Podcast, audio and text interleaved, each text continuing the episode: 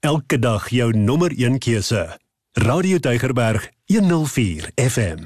Ek gesels vandag weer met Dr. François Swart, pastorale en kliniese terapeut en ons pak lewenskwessies sommer kaalvuis aan want ons wil eintlik vir jou help en in die proses help ek myself eintlik ook om by 'n punt te kom waar ek kan sê ek kies lewe. Vir jou tyd vandag weer Dr. François, dankie, ons waardeer dit. Dankie, Lorraine, is 'n voorreg om saam met jou en die luisteraars te kuier. Nou Dr. François, ons weet 'n mens het 'n liggaam en 'n siel en 'n gees. En ek dink die meeste mense en ons het dit al in hierdie program gesê, hulle is nogal baie goed daarmee om te weet ek moet my liggaam gesond hou. Ek weet wat ek moet eet en wat ek moet drink, wat ek nie moet eet en drink nie, wat ek moet doen. En die meeste mense weet goed wanneer hulle iets verkeerd doen en ons probeer darm om op die regte pad te bly. Maar ek dink die meeste mediese mense sielkundige psigiaters sal saamstem. Van die brein weet ons nog bitter min en van daai komputer dink ek nie sal 'n mens, 'n mere mortal ooit die diepte en die omvang ooit kan verstaan nie.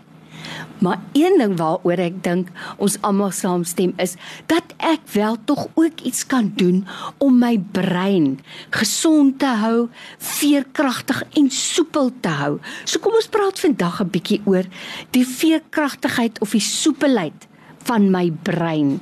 Wonderlike onderwerp. Waar begin mens? Ja, en in die mediese wêreld, ek dink ook in die gedragswetenskaplike wêreld, oral mense wat in die hulpprofessies is, kom al hoe meer tot die insigte dat ons sal moet weer gaan kyk na die brein. En die wonderlike nuus is Lorraine dat daar 'n klomp navorsing dwars oor die wêreld gedoen die laaste 15, 20 jaar.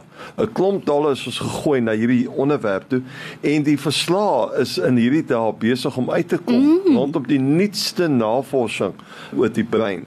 En die brein is eintlik 'n fantastiese orgaan en ons kan baie meer doen as wat ons voorheen uh, gedink het.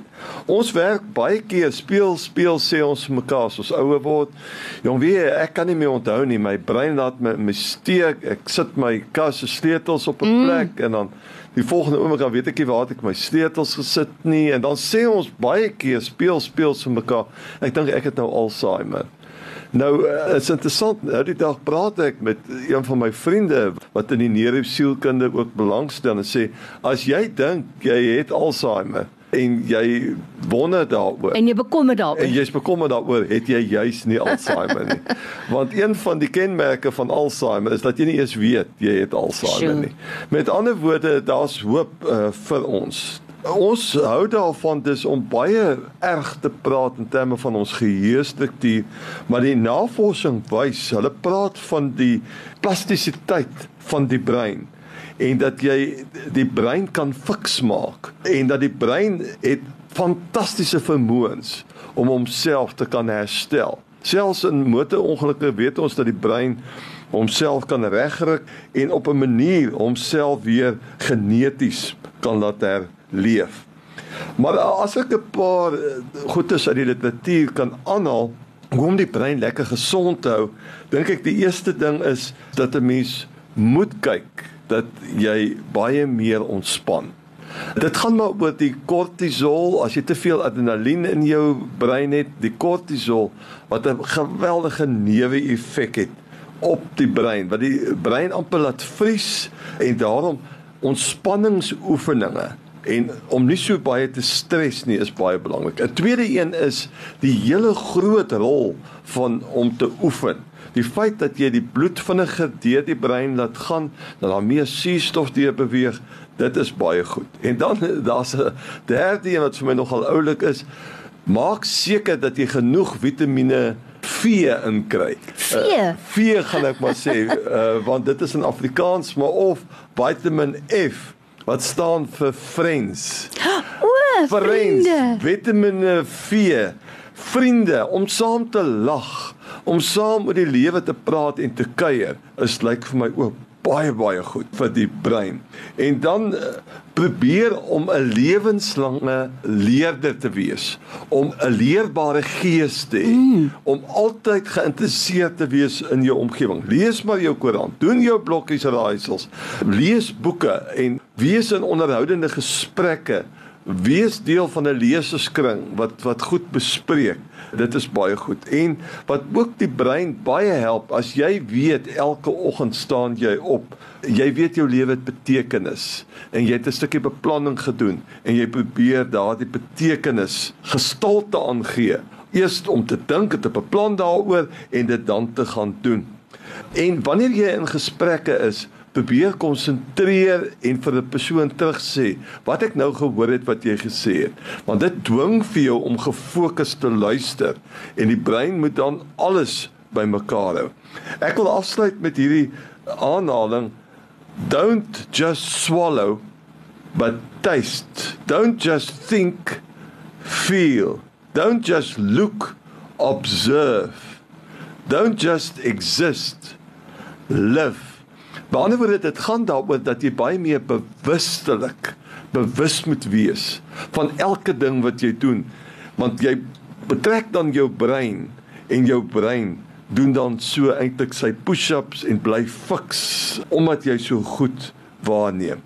Clint Eastwood is 80 jaar oud. Hy het 'n fliek gemaak uh, when they ask him about his relentless energy at an age when many are content to sit Eastwood said, I just get up every morning and go out, and I don't let the old man in. Oh wow. I don't let the old man in. Oh wow. Dit is uh, dink ek eh, 'n uh, soort van 'n aanmoediging vir ons. Jy's nog lank nie 80 nie. Hou aan om daai brein te oefen.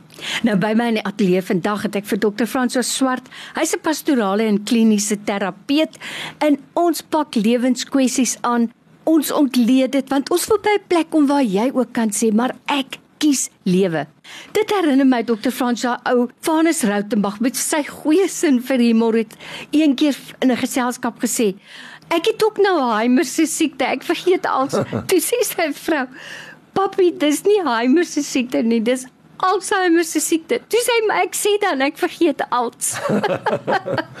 ja, ja, ek dink ons as ons die humor kan behou en uh, net om lekker te lag vir jouself is ook goed vir die brein. Nou dokter Frans, kom ons kyk of ek goed gefokus het. Ek moet met ander woorde meer bewustelik met my dag omgaan, meer bewustelik fokus, beplan wat ek gaan doen. En weet jy, dit is nooit te laat om te begin nie. Al woon jy stok alleen in 'n huis, begin om vir jou 'n plan te maak, 'n tabel te maak. Ryk uit na mense toe daai Vitamiin V, Vitamiin vriende is 'n belangrike ding dat ek nie eensaam word nie. Daar's altyd mense by wie jy kan inloer. Maar dokter Fransja, die liewe Vader het ook vir ons 'n brein gegee en met dit saam die vermoë van ons liggaam om ook ons brein jonk en gesond te hou. Watter gemoedsverskywing of die woord sê ons ons moet ons gedagtes vernuwe. Watse gedagteverandering kan ek maak? Eerste ding, elke oggend om my brein net so 'n bietjie aan die gang te skop. As jy as jy opstaan in die oggende net vir 'n oomblik 2 of 3 of 4 5 keer diep kan asemhaal en stadig uitblaas en die eerste ding wat jy aan dink is waaroor is jy dankbaar? Kan jy drie goed opnoem waarvoor jy dankbaar is. Met ander woorde, voed jou brein met positiewe goed. Ons wil nie ligtelik oor hierdie onderwerp praat mm. nie, Lorraine. Daar is brein siektes wat jy mm. nou nie met hierdie tipe goed uh, sommer net kan heel. Mm. Dis hoekom daar neuro mense is wat goed ingestudeer is. Maar ons praat oor die algemeen en ons kan baie doen om ons liggame mooi in stand te hou en ook ons brein. En dankbaarheid uh, pas in elk geval in in die leefstyl van gelowiges, mense wat agter Jesus aanloop. Dis as jy jou brein wil goed hou, probeer om positief na situasies te kyk, want dan word daar lekker serotonien afgeskei. Mm. Daar's nie meer so baie stres nie. Jy oefen gereeld, jy kry die adrenalien af en daarmee slat jy die kortisol op sy kop en dit is die manier hoe jy met jou brein in kontak is met 'n positiewe gesindheid. Ek wil afsluit Dr. Fransal het ook gesê om elke dag 'n uh, ag items te memoriseer. Elke dag iets ja. anders kan jou help. En toe het hulle navorsing gedoen en hulle het vir mense Bybelverse gegee om te leer. Aan die een kant skryf hy 1 Tessalonisense 5 vers 16 en aan die agterkant wees altyd deurbly. So een week lees jy die vers en dan probeer jy hom opsê die volgende week sê hom op en jy probeer sien waar in die Bybel dit staan.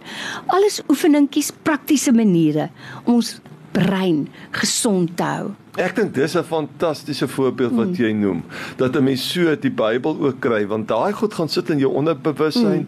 en wanneer jy deur baie pynlike situasies gaan dan kom daai tekste van hoop kom terug na jou toe en help vir jou in dankbaarheid en om hoopvol te lewe. sien ons het vir jou gesê ons wil jou help om te sê ek kies lewe.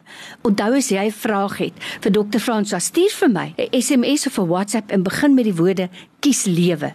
En in tyd sal ons ook by jou vraag uitkom. Jy is ingeskakel op Radio Tygerberg 104 FM.